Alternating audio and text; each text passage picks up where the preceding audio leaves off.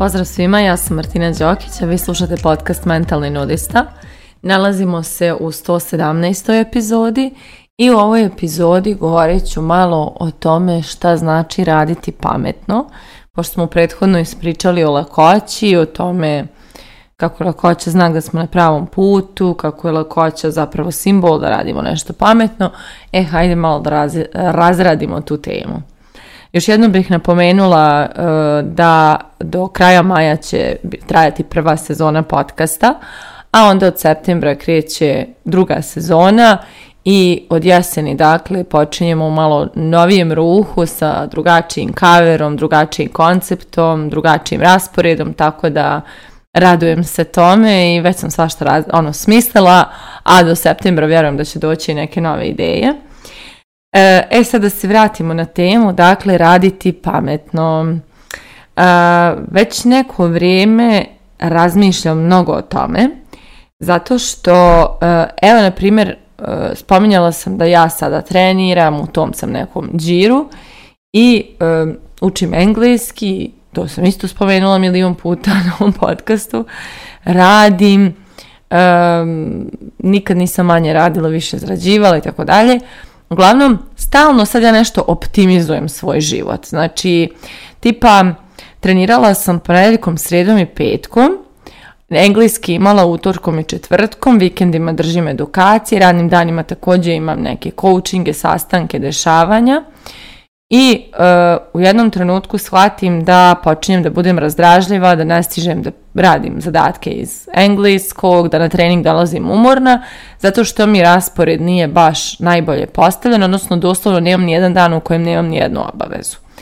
I onda ja sad to mijenjam, jeli, sad treniram utorkom i četvrtkom zajedno sa engleskim, znači idem na trening, pa idem na engleski, ponedjeljak mi je ostao slobodan da nakon vikenda imam jedan slobodan dan i itd. Dakle, šta je poenta? Sad ja stalno nešto čačkam na koji način da se ja osjećam bolje i da moj raspored meni bude prijatan i da moj život meni bude prijatan. Odnosno kako da radim pametnije umjesto teže. Um, sada jesam u poziciji da mogu tako da, da namještam, premještam, preslažem i dugo sam radila da bih došla na tu poziciju da toliko vladam svojim vremenom i, i svojim nekim, da kažem, rasporedom da mogu, da imam taj luksus da tako sebi preraspoređujem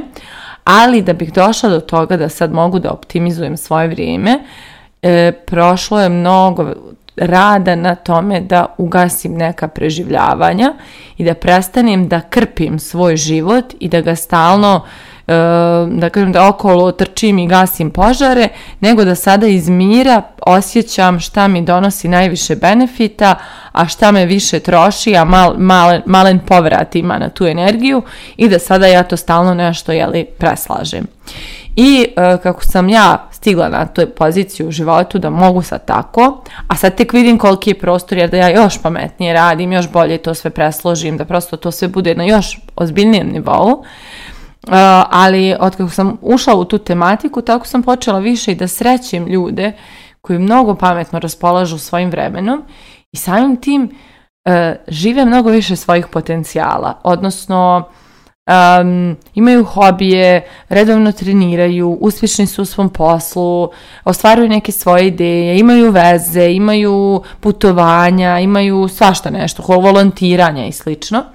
I sad kada pričate jednom čovjeku koji je u preživljavanju i krpljenju svog života i trči na sve strane i mora sve da postigne i nema vremena ni za šta, kad mu ispričate, e, ovaj čovjek tamo ima, radi ovo, radi ovo, on kaže, ma on njemu mora nešto da fali čim živi tako savršen život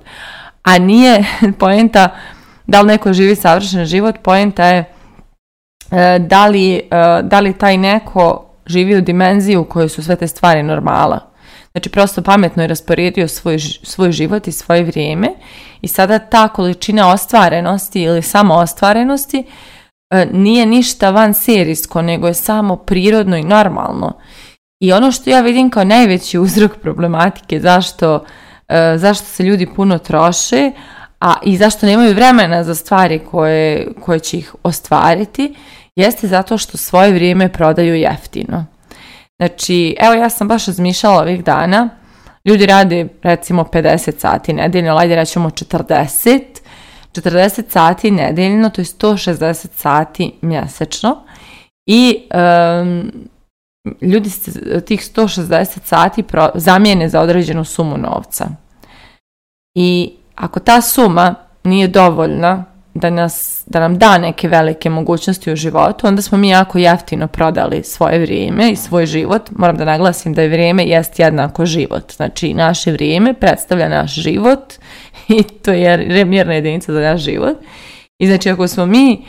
sebe prodali, to jest svoj život prodali za neki jeftin novac, mi smo u preživljavanju, mi radimo posao koji nas troši, od njega ne zarađujemo dovoljno i da ne stižemo da se samo ostvarujemo kroz hobije, kroz ostvarivanje nekih drugih ideja, kroz tako neki lagan stil života, treniranje, učenje, rast i slično, jer mi moramo da trčimo okolo, da krpimo razne neke rupe, jer prosto ne živimo pametno živimo teško.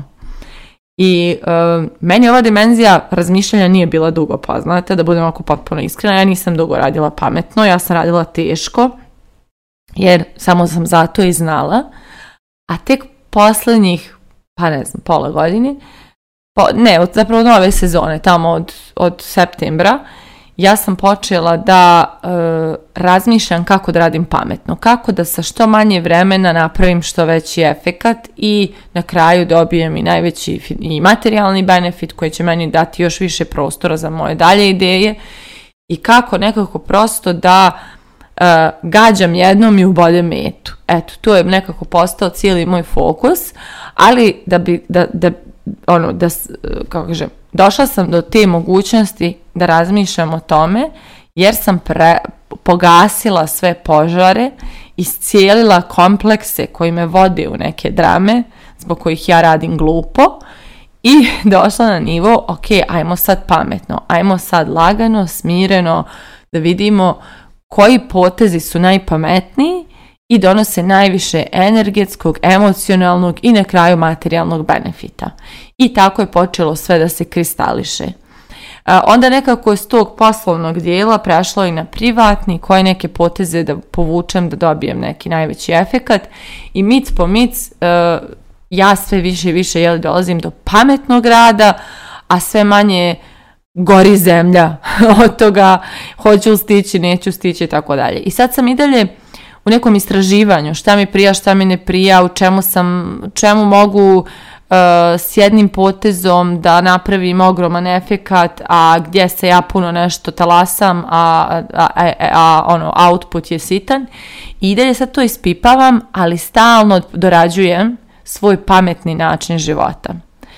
Po meni pametni način života i rada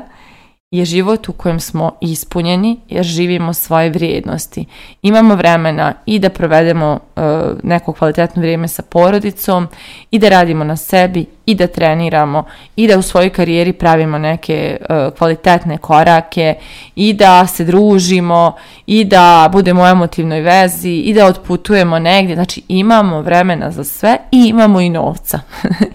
I onda sve to je istvarivo za svakoga od nas ako krenemo se bavimo tom tematikom.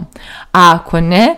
mi ostajemo zaglavljeni u univerzumu u kojem mora da se pati, muči, trči, lomi, i gine da bi se preživjelo i onda naravno da ne stižemo svoj život pretvoriti u neku, neki pametan sistem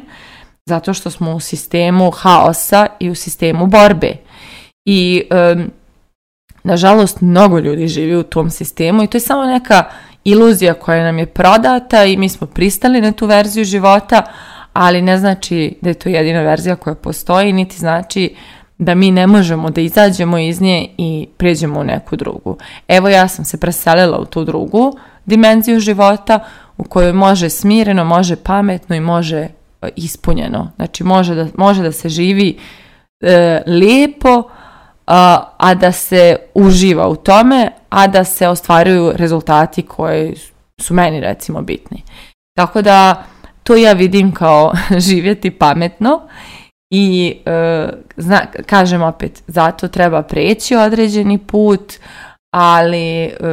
vrijedi, zaista vrijedi jer kada se dođe do tog nekog optimalnog načina života i rada, mi zapravo dolazimo do upotrebe svojih potencijala maksimalnih. Ne znam, to je kao kad gledam sad u teretani, ne znam, e, lupam. Prvo mi je bio cilj da smršam, pa onda sad već kad sam ono počela da mršavim, sad je već cilj šta hoću da oblikujem, da mi, ne znam, pozadina bude ovakva, noga onakva, jer sad mogu da idem u te tančine, zato što se više ne borim sa svojim nesigurnostima koje me stavljaju u dramu da što prije ovo, da što prije ono, nego sad sam na miru, oblikujem svoje tijelo da bude onako kako ja želim i prosto da ja uživam u tom procesu. Tako da, kada pogasimo te komplekse drame, traume koje nas vuku u neke borbe i hitnosti i drame, tada možemo da živimo pametno i radimo pametno.